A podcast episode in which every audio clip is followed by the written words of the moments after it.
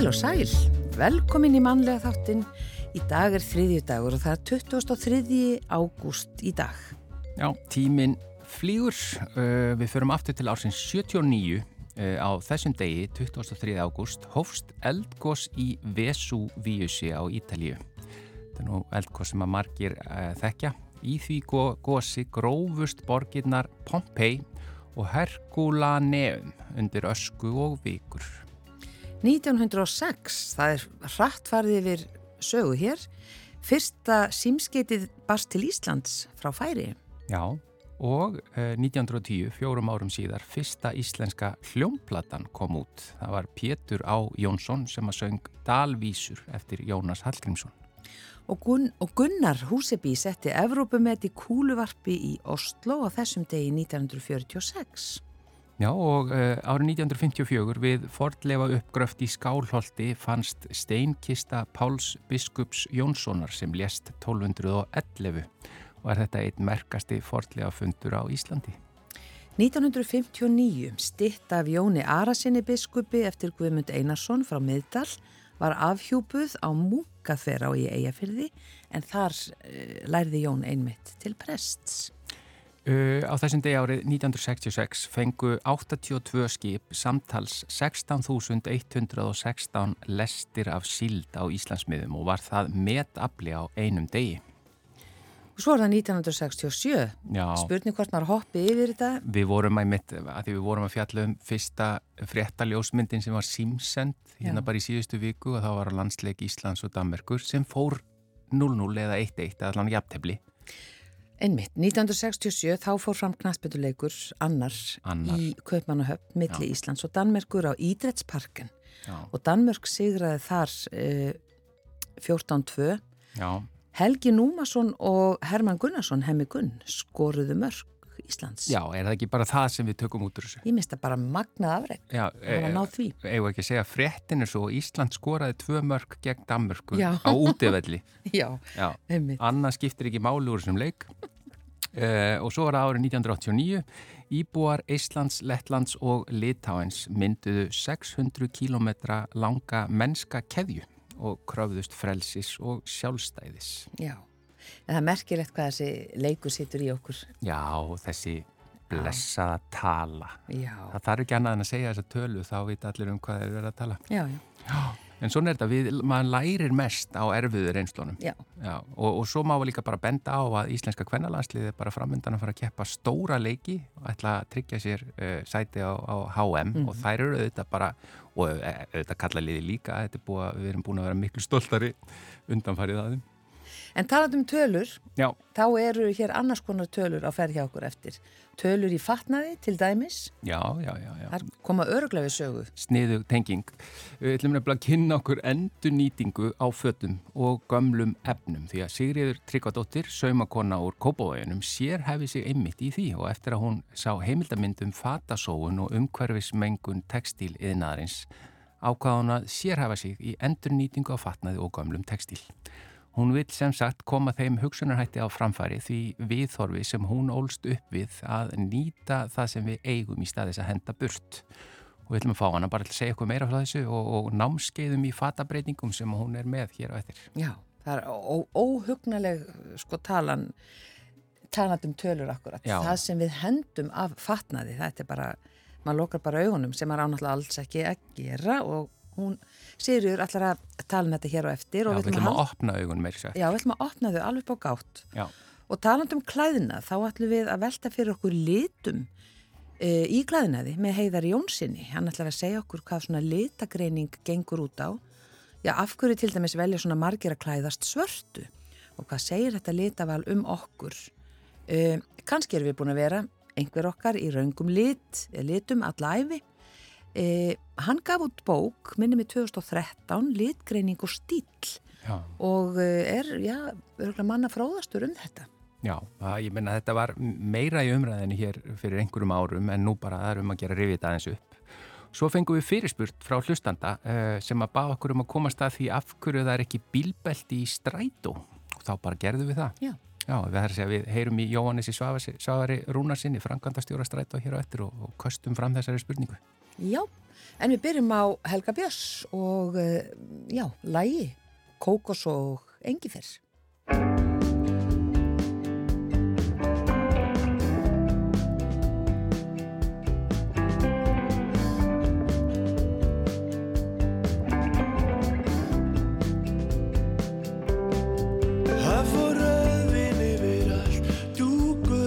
salt og sóta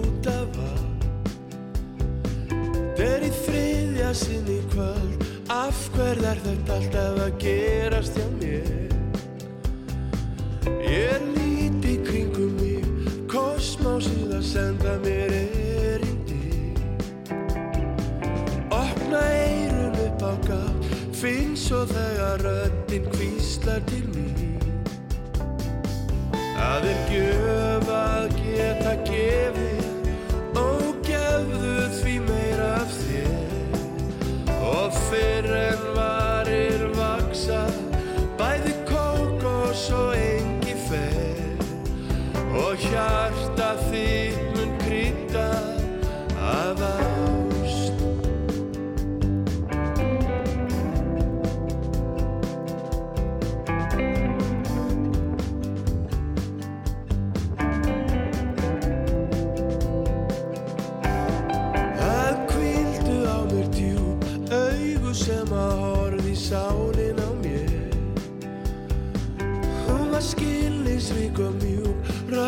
sem að hljómaður barka þér.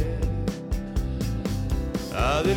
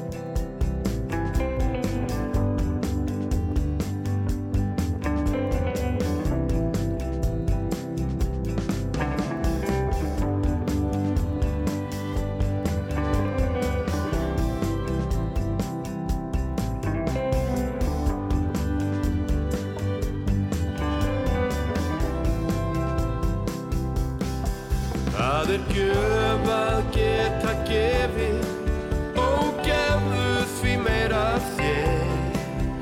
Og fyrr en varir vaksa bæði kókos og engi fer.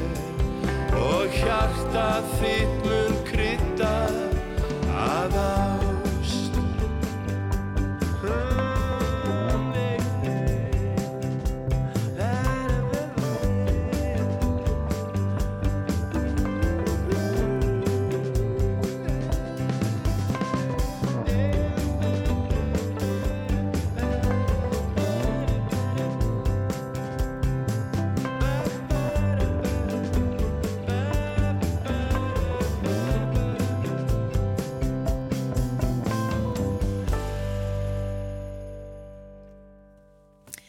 Helgi Björns og uh, Kókos og Engifer, læð eftir hann og Guðmund Óskar Guðmundsson og Alli Bodlason samt í textan. Já, en núna hérna næstu mínútur ætlum við aðeins að kynna okkur uh, endurnýtingu á fötum og gömlum efnum og jafnvel viðgerð á, á, á gömlum fötum og, og hingaði komin Sigriður Tryggvadóttir, saumakonur Kópavöðunum, velkomin. Takk fyrir kærlega. Þú segir að þú hafið hort á heimildamyndum fatasóun og það hafið bara breytt algjörlega viðhorfiðin eða hvað? Já, ég er búin að vera að sauma í mörg ár, mér bara til gleði og hérna hef alltaf haft mjög gaman að því að breyta fötunum, mér finnst mjög gaman að vera aðeins öðruvísi heldur en svona uh, stóru versluna hann að keðjurnar og svo leis. Um, en, en svo sá ég heimildamind um uh, mengunar áhrifin frá textíliðnaðinum Mm. og ég fekk bara áfall. Mm. Ég fekk bara áfall, þú veist, bara uh, mengunin í að framleiða textil og, og aðbúnaðurinn hjá þeim sem er að sauma og, og svo náttúrulega þessi mm, ofgnót í framleiðslu sem gerða verkum að nánast ónotaða flíkur enda bara í eigðumörkum í þriðjaheimsríkjunum að því að fólki þar er að draugna sko Já. og getur í rauninni ekki notað uh, sumar flíkurnar vegna þess að efnin eru orðin svo léleg sko. Já, akkurat. Já, gæði efnana eftir því sem að uh, fjöldaframleyslan og verði þar að nást niður og, og þú nefndir líka í posti sem þú sendið til mín að maður má aðeins veltaði fyrir sér ef að flík kostar mjög lítinn pening. Þá Já. er eitthvað skrítið á bak við það, Það- bæði í allri já. keðjunni og, og, Já, ef að maður hugsa bara þetta ferli að það er einhver sem er ekki fá laun já, og, og ég, og það er svona um, ég veit ekki hvort að mér, ég get kallað það mission, uh, en þetta er það sem ég brenn fyrir og ég trúi því að ef að fólk kann að sauma og nota saumavél og sinnir flíkonum sínum og prófar að setja saman eina flík mm þá fattaru hvað þetta tekur langan tíma og vinnuna sem fyrir í þetta. Og ég bara trúi því að við séum þannig þengjandi hérna að að þegar maður svo stendur með flík á herðatri í búð og hún kostar 1500 krónur þá er bara eitthvað bóið við það Mm, já, akkurat. þannig að- þetta er svona já vitundarvakning um, þú veist að fólk verður svolítið meðvitað um hvaðan flíkin er að koma og, Mm. og svo líka bara hvað átt í fataskafnu þínum þú þart ekki að kaupa flík mörgur sinnum í mánuði sko Akkurat. átt helling og það er að breyta og það er hinn ástriðan mín Já. að breyta fötum. er- Segðu já. okkur aðeins bara frá þessari flík sem þú ert í núna. Mér er afskaplega falleg og, og hérna, þetta er svona, hvað, er- hvað er þetta? Þetta er ekki beint skokkur, mussa, ég, ég kalli þetta slæðukjól slæðu kjóll og segðu okkur aðeins frá honum að því hann á sér svo sannarlega sög. Já, ég hérna og, og tengist henni ennþá meir vegna þess að ég sem sagt læra að sauma hjá mömmu. Mamma var húsmóðir og, og saumakona í hérna svona hlutastarfi. Hún lærði að sauma af mömmu sinni og þannig að ég er með svona kynnslóða kunnáttu í saumaskap nema síðan hérna eru við að gera upp dánabú og, og, og svo les fóreldrana og mamma notaði rosalega mikið að slæðum og um, amma mín og ömmu sýstir og, og hérna síðan fekk ég líka slæður frá sýstu minni þegar hún fjall frá. Nefna kjóllin sem ég er í er sem sagt hannaður úr þessum slæðum og, og þegar ég var að setja hann saman og, og sauma og prófa mig áfram og var sem sagt að pressa þá hérna ángaði saumahotni mitt eða ilmaði af Chanel nr. 5. Mamma notaði það og sýsti mín notaði það líka og þannig að ég var bara í þetta var rosalega tilfinningarík vika þegar ég var að setja þennan kjól saman. Já, Já. trúi því. Og hvað er þetta margar slæður? Um, einn, tvær, þrjár, þetta eru fjórar slæður sem að ég er í núna, setta saman og mismunandi hátt. afskaplega fallegu fallegur og ekki kjóll. skemmi nú að þessi, þessi tilfinningatengsl og bara Já. sagan á bakveðan. Já, þetta bara er, og ég ætlaði að ég er að, ég er að hanna sem sagt úr uh, gömlum fötum og, og gömlum textil og hugmyndin var að selja svona kjóla. En, en ég vil ekki selja kynnslóðaslæðunar okkar, sístra, þannig að hérna, en ég hef reyndar búið upp á ef að fólk áslæður heima að þá tek ég að mér að sauma. Já, segjum bara eitthvað úr því ef- eða Já. svona kjóli eða bara hvað sem Hann, er. hanna sem sagt eitthvað upp úr slæðunum að ósk. Að bara ósk fólks. Já, Já, Já. akkurat. Þú ert hérna, að því sko, þú segir, þetta bara breytti því hvernig þú hugsaðir þessi mál og, og, og þú ert búin að opna núna á Facebook síða sem heitir Endurnýting gegnum saumaskap. Já. Ertu þá, þú ert að miðla líka og, og kenna, ekki satt? Jú, og þetta er bara svolítið næsta skref eftir áfallið sem ég fekk þarna við þessa heimildamind. Mig bara langar að gera eitthvað í þessu og, og hérna þannig að ég bjóti þennan hóp á Facebook og uh, hugmyndin er að, að skapa samfélag fólks sem er að hugsa í þessum nótum, að, að nýta föttin sín betur og nýta textilinn og, og ekki bara gefa hann í rauðakrossin eða gefa hann í góðgerðamál heldur að nýta það sem þú hefur heima. Og sá hópu bara stækkar og stækkar og síðan er ég, og þar inni er fullt af snillingum, hugmyndaríkt fólk sem að sínir hvað þau að gera og leiðbennir og gefur innblástur og allt það. Og svo er sko hitt sem ég er með og það er, ég er með námskeið í e, fatabreitingum, bæði grunnnámskeið og framhalsnámskeið og síðan er ég að byggja upp gagnagrunn á netinu fyrir þá sem komast ekki á námskeið á höfborgarsvæðinu þannig að ég, þetta er bara Þetta er undið upp á sig aldrei lis Þetta er undir rosalega upp á sig vegna þess að ég held fyrsta námskeiði mitt bara í janúar á þessu ári. Já, hvað er þetta að segja? Þannig að það er rosalega mikill áhugi en staðrindin er svo að sko, það er með saumaskap eins og svo margt annað hvort sem það er áhuga málið að vinna þú ert svolítið einn heima Já Þannig að með þessum hópi er maður líka svolítið að búa til samfélag og félagskap og námskeiðin mín ganga líka út á að búa til félagskapin mm. í saumaskap og endurnýtingu. Að... En þarf maður ekki að kunna á saumavél eða kennur það líka? Sko ég, ég veit alveg ráðgjöf á saumavél á grunnnámskeiðinu. Staðrendin er svo ef þú hefur verið í grunnskóla þar sem að voru kendar hannir þér þá kanta saumavél mm. svo er þetta bara æfing Já Eru, uh, eru hérna kynbræður mínir uh, lélegir að gefa sér fram í svona eða hvað? Ég er ekki ennþá búin að fá uh, kynbræður þína Nei, á nám, ekki á námskeið en það er, alveg, það er alveg slatti í hópnum samt Nú, sko. já, já. já, já. Sko við bendum líka bara að því við vorum að tala um hennar fallega slæðukjólsum út í því að mm. ef þú ferð inn á, eða ef fólk fer inn á endurnýting gegnum saumaskap á Facebook þá ertu bara í kjólnum hérna akkurat Já. á myndinni sem á myndinni. bara mætir að því þá getur fólk séð hversu fallegur hann er að því við vorum að reyna að lýsa því hérna. Já, og, og hér er líka bara afklippur verða skýrta að bara teknar Já. afklippur úr alls konar gamlum flíkum og búið til skýrta sem er alveg ótrúlega falleg Takk fyrir það.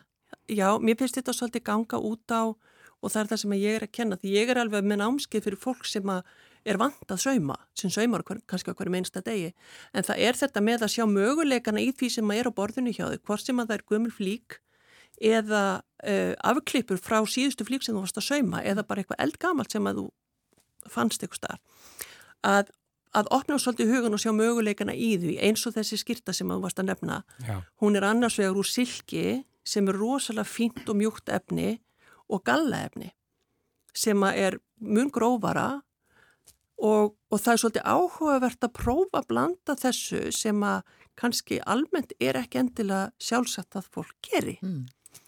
Að, og þetta er það sem að mér langar svolítið að kenna kjærfólki og, og, og sína inn í þessum hópi. Já, þetta er svona sjálfbærtni bara í saumarskap. Já, sjálfbarni saumarskap og, og, og fata nýting og fata breytingum. Mm, akkurát. Já, líka, ég menna við þekkjum þetta bara öll að eiga flík sem maður, mann kannski finnst ekki sérstaklega flott ennþá en efni mm. getur verið afskaplega fínt í henni. Já. Þá bara gefinni nýtt líf og blanda Já. við eitthvað aðra blanda flík. Blanda við eitthvað annað og eins líka bara hver hefur ekki farið í búð, hvort sem að það er útsala eða þú ert að flýta þér eða vantar eitthvað 1, 2 og 3 og þú kaupir eitthvað flík og þú notar hann einu sinni mm. og þú sérð hana alltaf þegar þú ferði gegnum fattaskápinu þannig að bara, ah, eitthvað við hana sem þú ah, notar ekki alveg. Ef þú tekur hana, skiptur um ermar skiptur um tölur, stittir hana pínlítið eða síkar hana pínlítið þá ertu komið nýja flík allt svona sem að mér finnst skipta svo miklu máli. Og svona viðgerðir á fötum í dag, eh, er, er það rétt hjá mér að það sé, er það nýtt að það er ekki verið að fela viðgerðina, það er verið að gera það á svolítið svona, ég var að segja, skapandi hátt, þannig að viðgerðin sérst mjög greinilega og jafnvel mm -hmm. verður flikkin á nánast svolítið öðruvísi við, eftir viðgerð eins og Já. bara sem dæmi að gera við gata á peysu. Já, sko, mér finnst þetta æðislegt, þetta er hérna, þetta er svona bilgja sem er að koma og þetta er bylgja sem byggir á hérna japanskri viðhaldsmenningu sem bara skriljón ára aftur í tíman sko og hérna sem heitir Sashiko og þetta, þetta minnir mér pínlítið á hérna um, það hefur verið talað um að þegar að um, postulín og keramik í, í Japan brotnar þá límur það saman og þú setur gull í skorunar Mhm. til að sína að vasin er notaður og, og á sér sögu Já, og þetta er svolítið svipað að þú tekur gamla flík og þú hérna hvort sem það er sömspretti eða hvort hún er hérna eitt upp og þú gerir við hana á sínilegan hátt með því að setja kannski bót sem er allt öðruvíseldur nefnið til þess að sína að flíkin er gömul, hún er vel nýtt og þetta hef, er að verða bara svona tíska. já. Mjög þetta er skemmtilegt. magnað. Mm Stæðislegt sko. Algjörlega, Já, þannig að þú skinnjar bara, já, þú byrjar í janúar á þessu ári og þú skinnjar bara því líka byltingu í þessu. Mér finnst það, mér finnst það að hérna einhvern veginn alveg sama hvar ég kem og, og er að segja að ég sé að gera þetta þá bara já, já, ég þekki þennan og þú veist, það, fólk þekkir eða er í þessu eða bara, Já, mér veist mjög mikið um þetta núna, já, sérstaklega yngra fólk. það er gott. Já. Það er gott. Sigriður Tryggvadóttir, þakka þér innlega fyrir að koma í mannlega þáttin og, og, og við bara bendum aftur á endurnýting gegnum saumaskap á Facebook og það var hægt að kynna sér þetta og jafnvel koma bara á námskið til þín. Takk hella fyrir mig. Og þú sagðir að stundum er fólk eitt í saumaskap, Mm. þannig að við ætlum að, en sem betur fyrir er þú að reyna að breyta því, en Mhm. lægið sem við ætlum að spila núna heitir einmitt Innbúin. Já. Þetta er Vilhjálmur Viljámsson og lag eftir Magnús Eiríksson.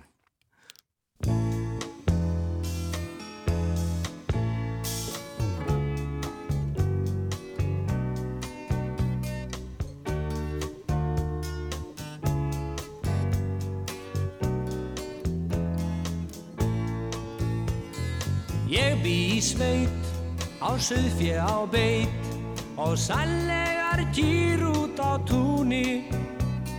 Sumar sól heit, sem vermir nú reit, en samt má ég bíl eftir frunni.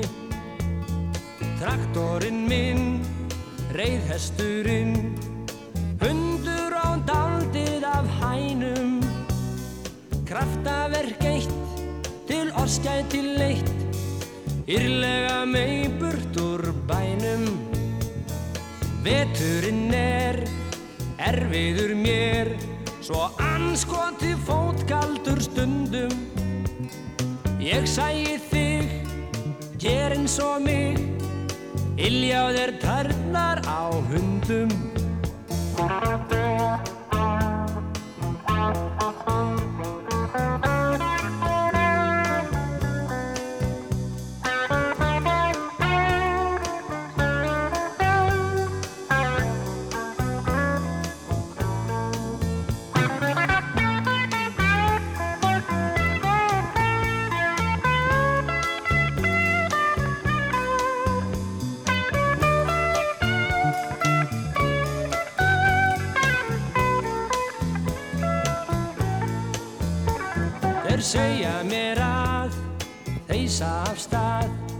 Þær býð eftir bondanum vænum Ég hef reynt að veit Guð En það er sko puð Að þræða all húsin í bænum.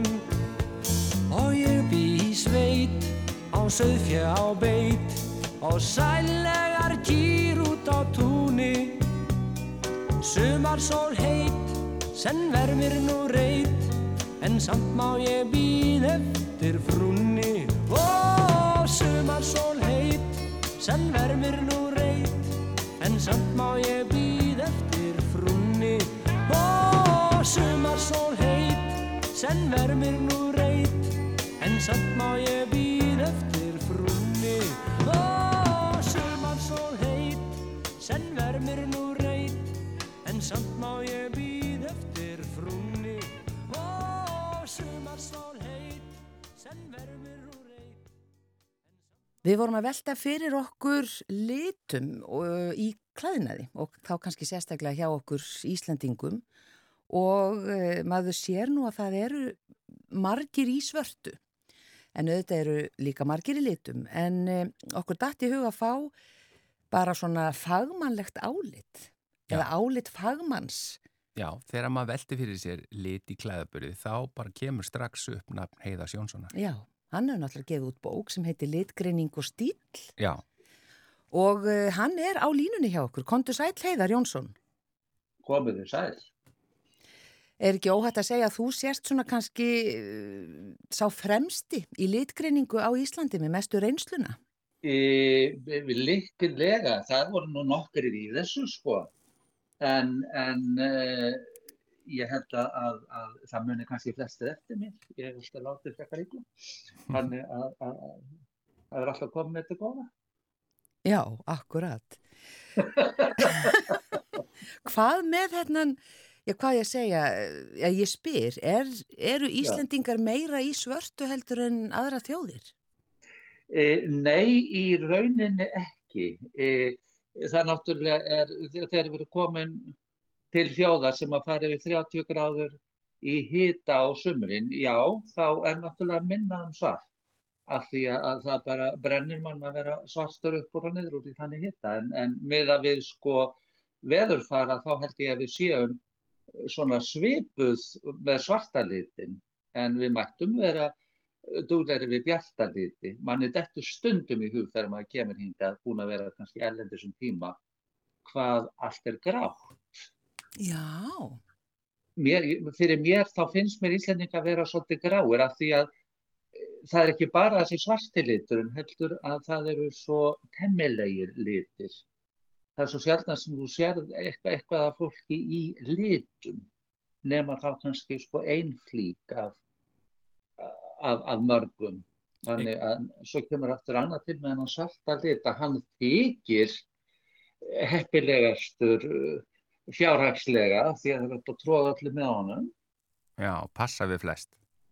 Passa við flest sem er miskilningur, sko dökkublár, hann passar betur við fleiri liti heldur en svart og er bara klæðilegri en þetta verður aldrei möguleiki. Það er hægt í miljónarlöndum að fara út í búð og þú getur valið um að fá jakkan sem þú ætlar að fá þér í svörtu eða dökkbláru. Það er bara ekki búið hér. Já. Þegar búðin er bara með svart. Þannig að það eru miklu fleiri tegundar af hrískrafnum maturubúðin í London hér. Já, en er, er sko litaval í fötum, er það, er það mikið, mikið tengt veðri eða er þetta eitthvað svona innra með okkur, eitthvað sem ítir okkur í einhverjar áttir? Þetta er tengt veðri og þetta er tengt lit, hérna, lífsmáta Þannig að ef að þú ferð, ef við minnist á London áttur, ef þú ferð nýri City í London, mm. þá sér það ekki náttúrulega svart. Já. Því að það er peningakverfið, það, það, það er það sem að, að fólk, en það sem hefur aftur breyst í því og kannski á litgreining eða þessi svona lit umhugsunar ferill, hann hefur kannski haft aðeins í ákvað ástæð því að það eru flestir komnir í dagla. Já, Já einmitt. En það náttúrulega virkar nokkuð svart í, í heldina sko, þegar það er alveg dökkblátt en, en uh, sko í sambandi við lita samsetningar að þá þarf að vera í tísku að geta sett svart og brúnt saman og svart og dökkblátt saman til það gangi alveg upp. Stundum er það í tísku. Já. En þú getur sett brúnt og dökkblátt og, og, og, og svart Þú getur sett sem sagt miklu fleiri liti með dökkbláð. Það er mjög fallegt að setja mosagrænt og, og flöskugrænt á móti dökkbláð meðan það virkar voðalega þungt á móti svörtum. Þannig að maður sem litaspecialistar eins og ég eru alltaf að reyna að tala máli dökkbláðalitarins. Mm. Hann er líka trú, trúverðuði, hann er, hann er svolítið meiri sál en svart. Svart er bara svart. Já. en sko bankafólk og peningafólk er, er farið í dögt Ég er í dökkblá, ég bara bendi á það hér. Já, já. þú tristir dökkblá Já, ég gerur það, en getur maður breytt sko að því að, ég veit ekki, kannski velum maður þessi föt eftir hvernig skapið maður er í, en getur maður breytt skapinu? Það er að segja, ef manni líður eitthvað á einhvern veg og mann langar að vera dökklættur, en ákveður, nei, ég ætla að vera ljósklættur og vera í einhver björstum litum og, og mun það hafa áhrif á bara hvernig mér líður? Já, já, ég til dæmis skeri stundum sjálfur og segi fólki að gera það þá að það sé kannski ekki skinsamlegt helsufarslega en ef ég er búin að fá algjöra leið á slittu og, og, og, og resjóttu íslensku vetraverði, þá fer ég bara í sömaföld. Já, leik, leikur á veðrið. Já, og ég, mér, mér finnst ég verið allir voða léttur á mér og mér finnst ís anskoði katten. En svo er þetta svo undan Ég, ég vil nota föt og litur svona. Já, Já, en það er svo skrítið hvað eitt litur fer öðrum vel en hinnum illa. Hvað, hvað, hvað veldur? Er það húðliturinn eða hvað er það? Það er húðliturinn og litarsamsetningin.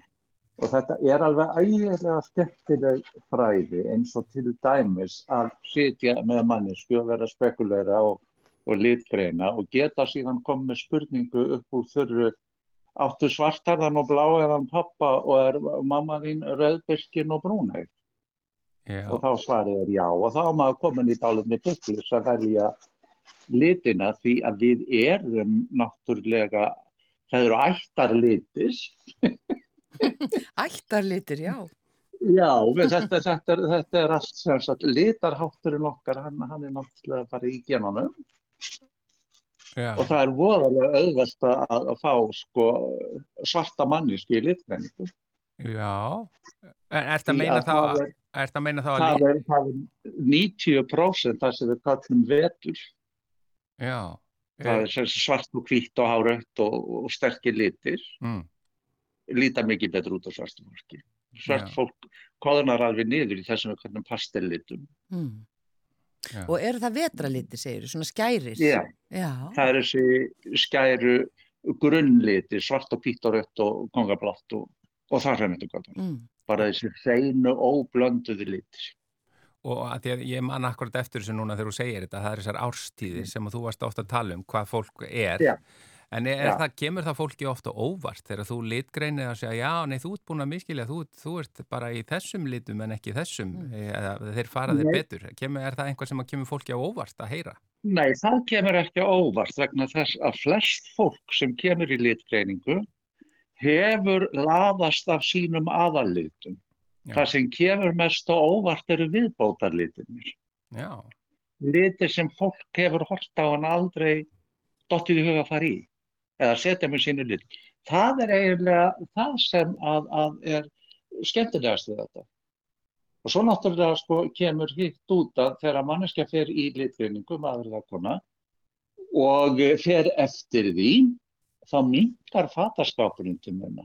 Já, Við En- sitjum að uppi með það að eiga fullan fataskáp, en anskotan ekki til að fara í. Það er að því við höfum ekki farið í litvinningu. Það passar ekkert saman að þessu dótin í fataskápum okkar. já, það er bara nokkuð til í því. Hugmyndun á bakvið litgreininguna er, litgreininguna er að einfalda fataskápin. Já, En þú segir að svona einhverjir aðrir, einhverjir litir, svona hliðarlitir koma óvart. Segjum Já, sem svo að ég já. sé mikið í jarðarlitum eða eitthvað slíkt Já, e, og, og þá gæti þú komið með einhvað sem að e, passar vel við það eða hvað og sem að mér hafði ekki dottið í hug eins og til Sem dæmis. að þér hefði ekki dottið í hug að setja inn í. Já, Eins og skipstur eða eitthvað skilur sem, að, sem er einhver ídega litur fyrir því sem þú hefur bara snikengið á að vita. já. Þegar maður er svolítið mikið í sömu litunum. Það er nú bara þannig. Já. En Og síðan sko litgreining, hún, hún er voða skemmtilega mörgur leiti. Það er náttúrulega ekki 100% rétt. En ég get farið inn í sal á fólki og eh, búið til úr þeim hópa eftir bara spurningum. Það skila sér ansi vel. Já, já, Því að ef, að ég, ef, ég, ef ég fer inn í hópa fólki að þá segi ég vil ég fara að hæra með inn í salin sem að aðhyllist silfur og kvítagull og hinna með inn í salin sem að aðhyllist gulagulli. já, Og þá kemur strax og greinileg skipting. já, Þá spyr ég sem sagt gullfólki þegar þið eldist finnst ekkur leiðilegt að grána, reynir það að fela gráhárin, þá fæ ég vel þetta já. Ef ég fer yfir silfurhópin og spyr sömu spurningar, nei, nei, mér finnst gráhárin bara að fara mér ágætlega. Og, og, og þar sem þið göttin getur haldið áfram að spurja, svona 20 spurningar, og þá setur upp kannski með sex hópa. einmitt.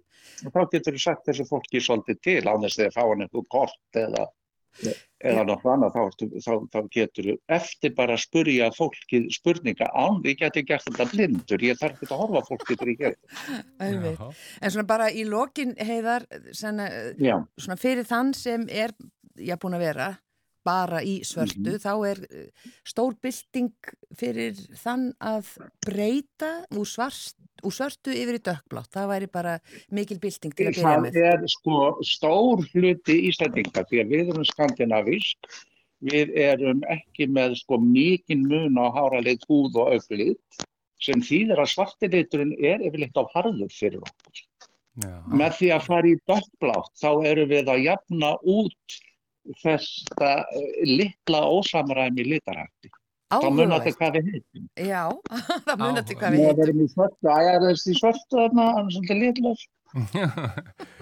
en, sko eftir að hafa verið að litgreina í öll þessi ár, ertu, er, Já. er, er, er, ertu alltaf að koma stað einhverju nýju eða er þetta bara, þú lærðir einhver sannindi sem að bara þau standa?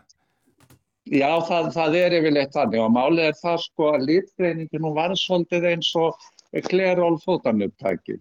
Mm. Hún, hún fór yfir.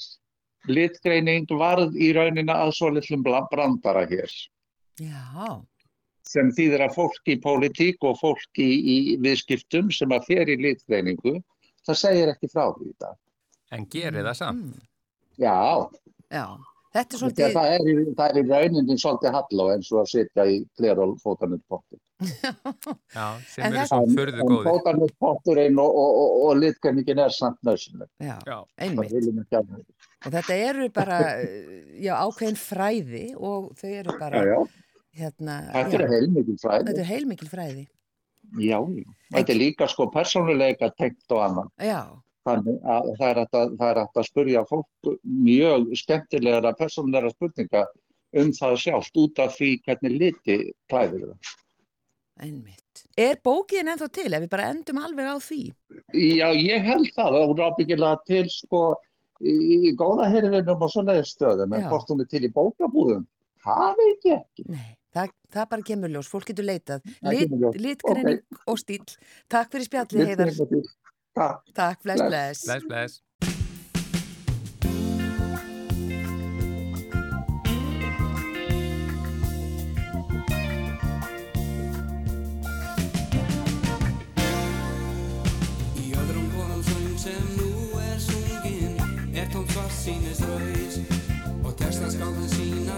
Sorgum þrungin já langt upp fyrir haus en ég vil hefðu syngjum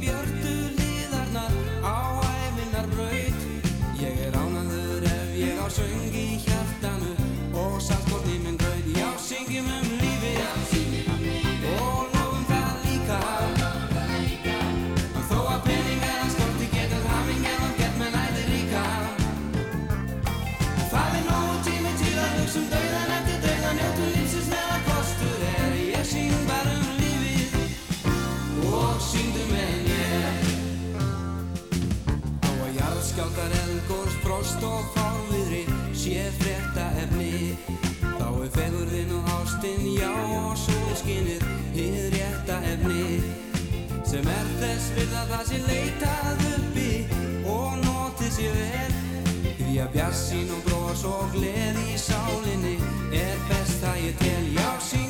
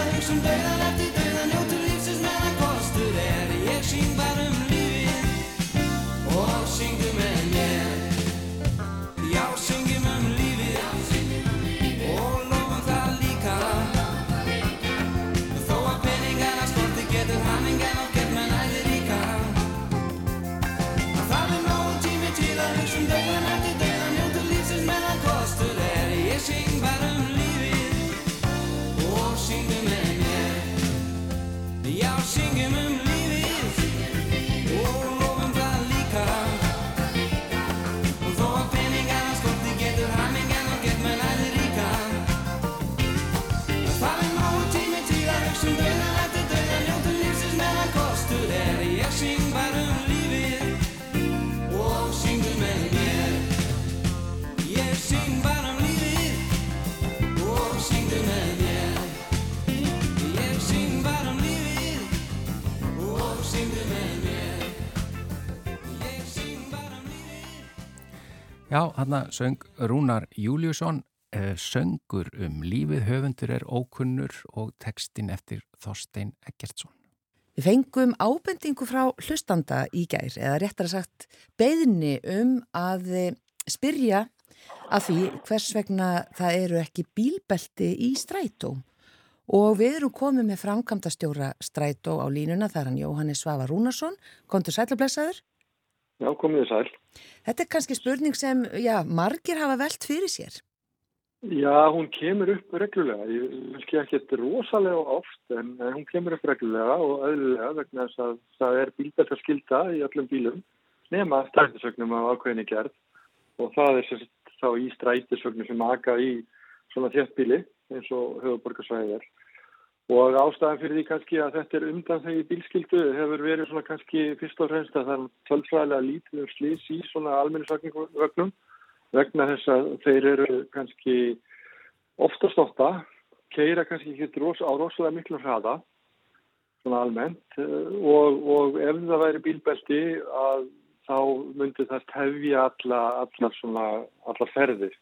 Hins vegar, þú veist, er alveg hægt að fá bílbelti í svona bíla ef, að, ef að það er þá einhver pólitískur vilji til þess en, en, en, allavega eins og lögin hveða á reglugerðin þá er ekki, ekki sagt, törfa á að eða lagaleg skilda að vera með bílbelti í, í, í strensinu. Já, en það er skilda í rútum? Það skilda í rútum og, og líka í landsbyðastrætó sem keirir út á, á þjóðum sem eru með 90 km rámaslega.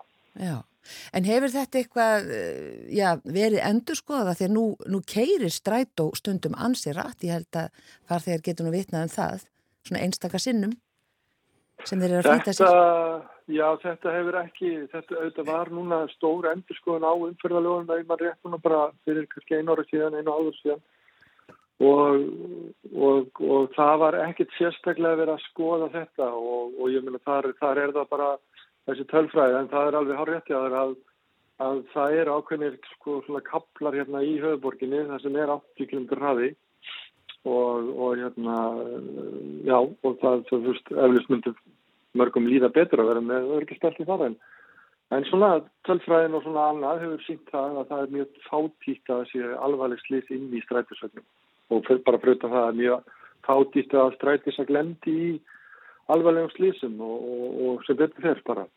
En er þetta... Þannig þetta er svo sem ekki sérstaklega verið endur skoða mér vitalega.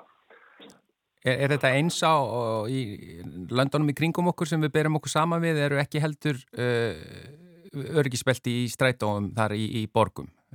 Já, það er það passa. Þetta er bara svona eiginlega held ég alls þeirra regla. Hins vegar hafa nokkra borgir tekið upp svona bílbeltaskildu og það er þá bara svona bara ákvörðum þá stræt og fyrirtæki sem sé að þá bara borgar yfirvaldið þeirri borga að það í að vera bílbelti í, í vagninu.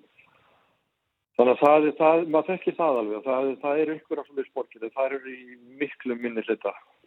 Já. Já, er það einhver staðar á Norðurlandunum? Sko, það er ekki í höfuborgu Norðurlanda, ég veit það, en það ég hef hýrt um einhverja borg mann ekki hvort það var á, í Noregi minni borg svona, kannski mann ekki hvort það var Bergen eða Stafangur þú er ekki alveg að fara með það sem að er með þessu skildu eða sem tók bara þetta upp að, að hafa bílbeltskildu Já. Þannig að þetta kemur Þannig að það er til. Já, en hjá ykkur þá er þetta já bara eitthvað sem er sem kemur ekki til, til greina meðan lögin eru svona eða hvað? Ég ég, ég segi kannski, kemur ekki til greina, það er, segi bara, ef að politíkinn og borgarir vilja setja örgisspöldi, þá gerum við það.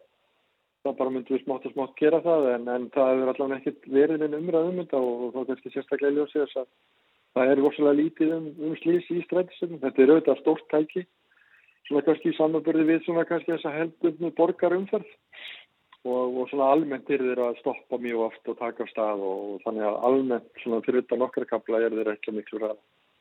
Já þannig að þetta, það hefur ekki komið þessi eh, spurning frá, frá farþjóum eða þessi krafa um bílbelti?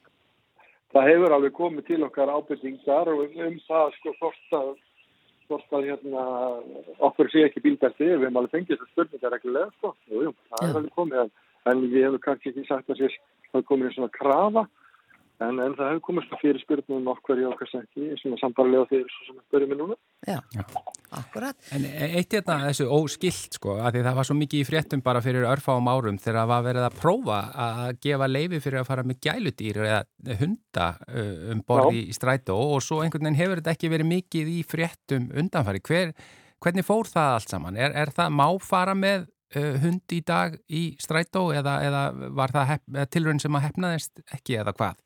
Jú, það var tilrönd sem hefnaðist bara, bara mjög vel og, og, og það var bara sett inn í, inn í lögin bara framtíðar sagt, leifi á því að koma með gælutýrin í strætó utan annan tíma og, og þau þurftu nú að vera að þannig gerða þú að þau mátt ekki vera mjög stór sko. Já. Þannig að við erum eftir að sjá hesta ásalegs og stóra hunda þannig að þetta er náttúrulega rosalega lítið um þetta en, en veist, þetta er náttúrulega er ekki að hindra fólk með gæludýri þá að fara í stræta eða vil gera það.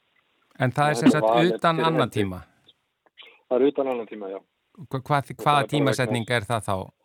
Annan tímin er svona, svona frá kannski átta, hálf átta mótnana til svona kannski rúmlega nýju og svo kannski frá svona hálf þrjú til svona fimm, sex, hálf sex.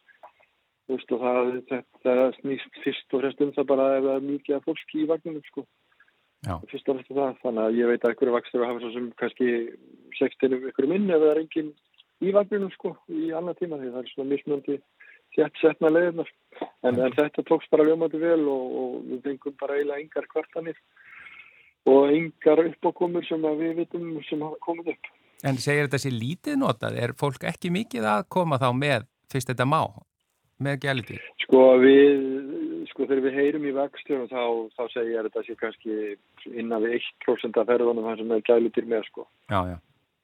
Og það er svo sem sambarlegt að sjáum kannski frá, í tölum frá öðrum vöndum, en það er svolítið erfitt kannski að segja nákvæmlega þetta því þetta er ekki talið sérstaklega sko. Já. Einmitt.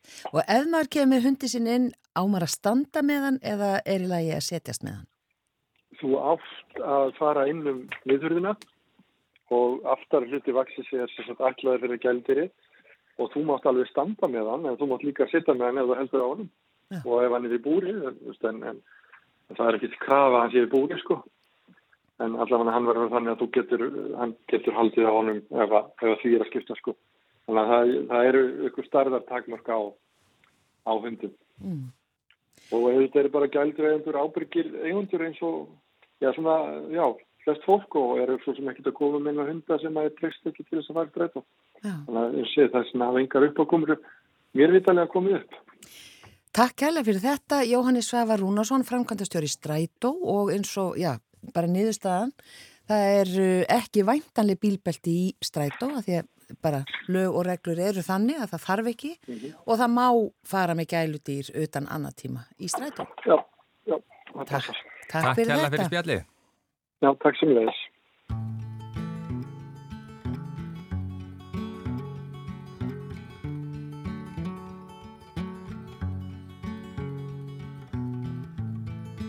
All alone, you and I together, we must find new home. Crazy dreams follow through whenever we strive against the streams, bring out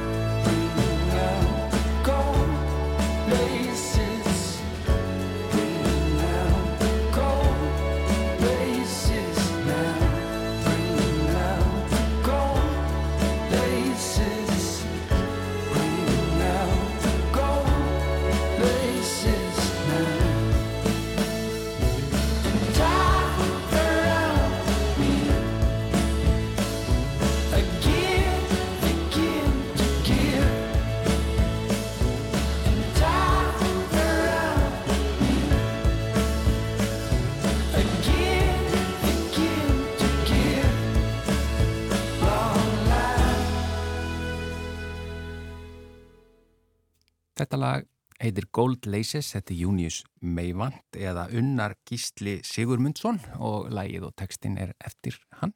Já, síðasta lagið í mannlega þættunum í dag. Við þökkum samfélgina þennan þriðjudaginn og verum hér aftur á morgun. Verið sæl.